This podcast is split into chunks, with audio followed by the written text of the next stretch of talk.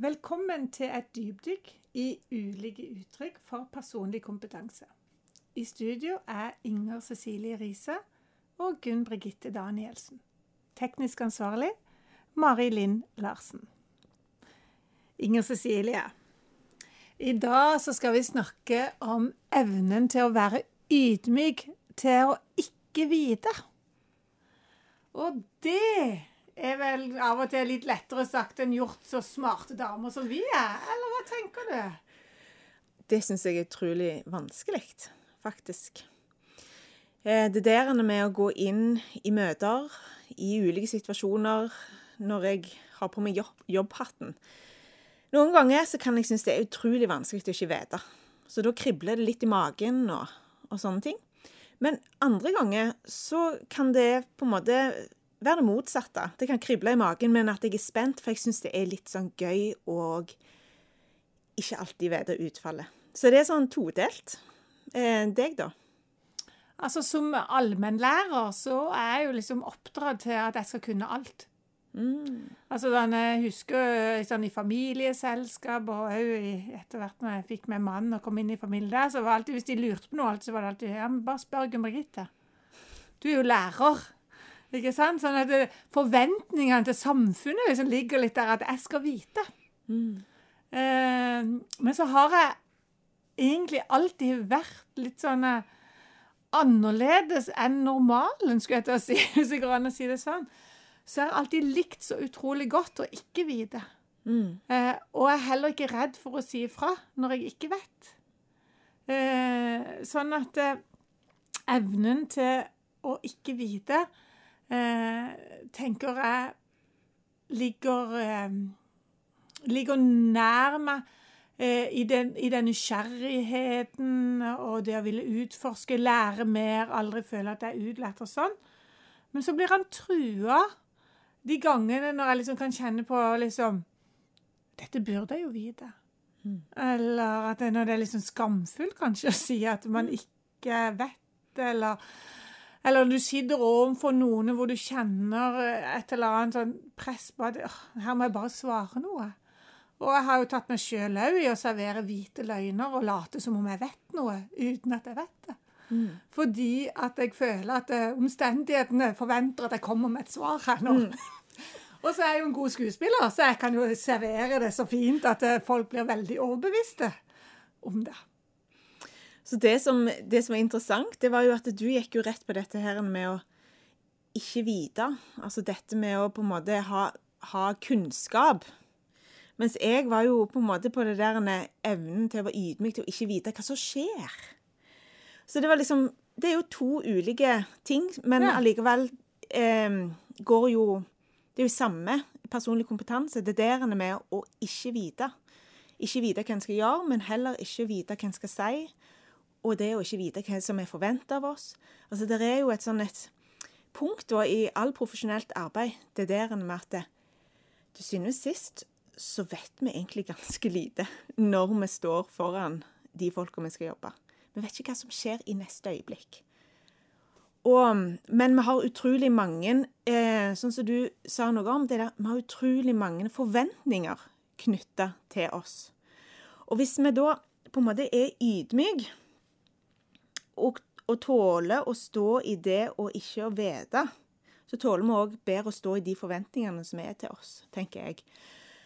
Fordi, som du sa, disse er hvite løgnene, eller de der andre mestringsstrategiene som kan oppstå, det er jo fordi at vi prøver å handle i forhold til hva vi tror andre mener vi skal gjøre, eller tenke, eller vite nå.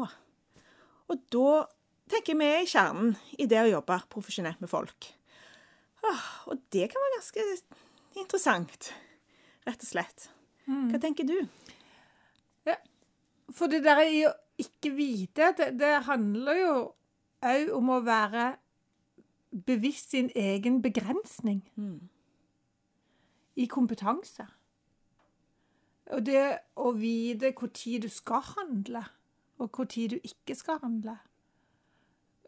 Når er Når er du den rette til å være der, og når er du ikke den rette til å være der? Uh, og det å være ydmyk til å på, altså sånn, For det å ikke vite, det handler ikke om å være uprofesjonell. altså Veldig ofte når vi greier En ting er å lokalisere at ikke vi vet, det er én ting, men òg det derre å velge å tenke at jeg faktisk ikke Jeg vet mye om mennesker i lignende situasjoner eller sånne ting, men jeg vet ikke akkurat åssen du har det. Men da, det som slår meg da, da er vi eh, Da er vi rett og slett å snakke om, om det første ordet, det der ydmykhet. Det der er noe ydmykhet i forhold til at vi ikke vet hvordan det egentlig er å være den andre. Ydmykhet og ikke over å ikke vite akkurat hva som er sannheten. Eh, ydmykhet om å være underveis i det å på en måte ha kompetanse nok til å stå i alt det som skjer. Så, så, det ble veldig klart for meg når du på en måte snakket, om, snakket igjennom dette her. Da ble den der ydmykheten for meg veldig mye mer tydeligere, tydeligere enn det der å ikke vite. Men mm. ydmykhet i profesjonelt arbeid og i disse profesjonelle menneskemøtene og situasjonene, det er jo gull verdt. For da slipper vi noe fri. Vi mm. slipper oss sjøl fri, og vi slipper den andre fri til at noe annet kan skje som som ikke noen, bare én i situasjonen, har kontroll over. For å si ja. det sånn. For jeg, jeg, det kom liksom et annet begrep til meg nå mens jeg satt og lytta til deg. ikke sant? At, at vi, deler, vi, deler, også ansvaret, da. Ja. Og det er vel kanskje noe av det som ofte jeg, jeg hører i, i veiledningsgruppene mine og, og sånn, dette her, at det er så mange som tynger så enormt av ansvar. Men hvis vi liksom har den evnen til å være ydmyke, til å ikke vite, så, så, er det også en fin måte å være med og dele ansvaret på. Mm. Eh, og det kan, derfor kan det liksom Det kan hjelpe deg. Mm. Og en annen ting som, som, slo meg, som bygger videre på det du fortalte litt tid, tidligere, det der hvis du har hvis en, Eller hvis jeg har, har det ganske langt framme når jeg går inn i en i et menneskemøte da, men som jeg ikke kjenner, eh, det der ydmykt å ikke vite hvem den andre er, så er jeg ofte mye mer nysgjerrig. Mm. Fordi jeg ønsker å vite. Mm. Men jeg ønsker ikke å fylle inn de tomme um, punktene som er, Altså det jeg ikke vet, med mitt eget, men jeg vender meg mye mer over til den andre og på en måte virkelig ønsker å forstå det jeg ennå ikke forstår, mm. eller det jeg ennå ikke vet. For hvis ikke vi evner det derre å være ydmyke og, og, til å ikke vite, så er det jo veldig ofte veldig mange spørsmål vi ikke stiller, mm. som kanskje burde vært stilt. Mm. Og som kanskje hadde vært løsningen òg. Mm. I, i, I, ulike situasjoner. Altså, men, men, vi stiller ikke de spørsmålene fordi at vi har liksom bare fylt ut svarene selv. Eh, fordi at vi vet jo Vi har jo gjort dette før, vi kan det jo Altså sånn. Så, så jeg ble litt sånn opptatt av det her. Det er jo det det handler om i lytting. Vi, vi snakka jo i den episoden der altså sånn så Skjermer som sier at hvis du går ut ifra et møte og bare fikk bekrefta akkurat det du visste på forhånd idet du gikk inn, så har du ikke lytta. Og det er litt sånn samme her òg. Hvis du liksom ikke har den der evnen til å være ydmyk og det å tenke at det, ja, jeg vet mye, men jeg vet ikke alt. Eh, så tar du gjerne ikke på deg de der lytteørene heller. Mm. Og da kjører du gjerne ikke en dialog. Da kjører du heller på en måte en argumentasjon eller En monolog. Monolog. Debatt. For det som slo meg da, det var jo det at eh, jeg ser jo klart at jeg har jo vært i situasjoner der jeg ikke har hatt så veldig kontakt med den ydmykheten om at jeg ikke vet. Jeg kan på en måte erkjenne at jeg ikke visste alt, men jeg har syntes det var, har vært vanskelig å, å, tåle det. Og da har liksom Det som slår meg da, det er jo at tempoet mitt går opp. Jeg kjører mer på. Jeg tar mer regien. Eh, det er lite pause. Det er mye av mitt der, mm. i de møtene der. Um, og da kan det der, akkurat det der med ydmykheten kunne ha hjulpet meg i de situasjonene til å lene meg tilbake. Mm. Og bare sånn Ydmyk Jeg vet ikke alt. Og det er greit. Mm.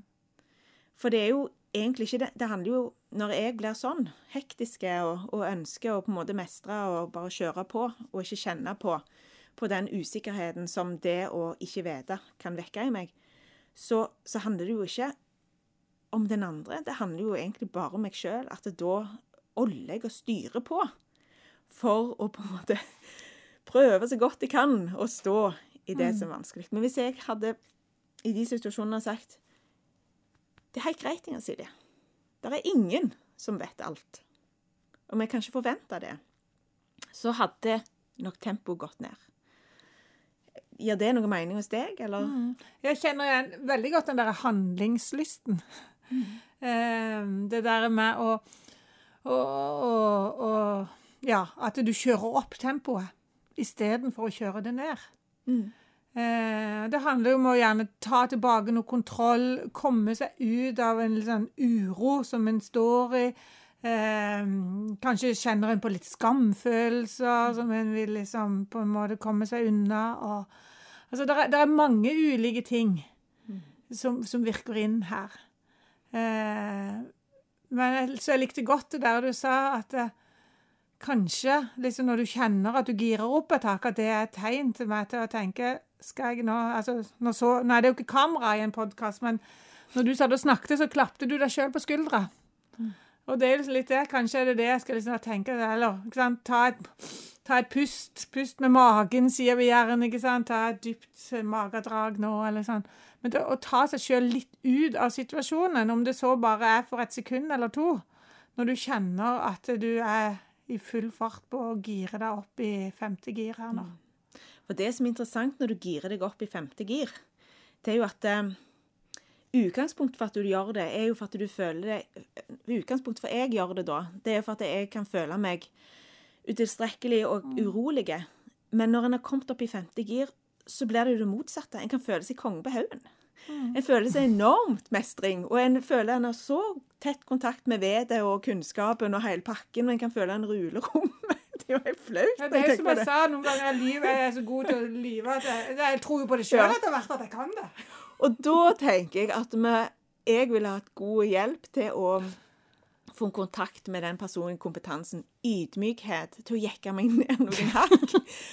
og minne meg på at det, du har veldig mye kompetanse, Inger Cecilie, men del den.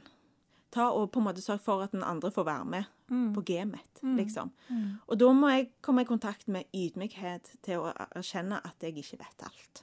Som eh, som en som jobber med folk.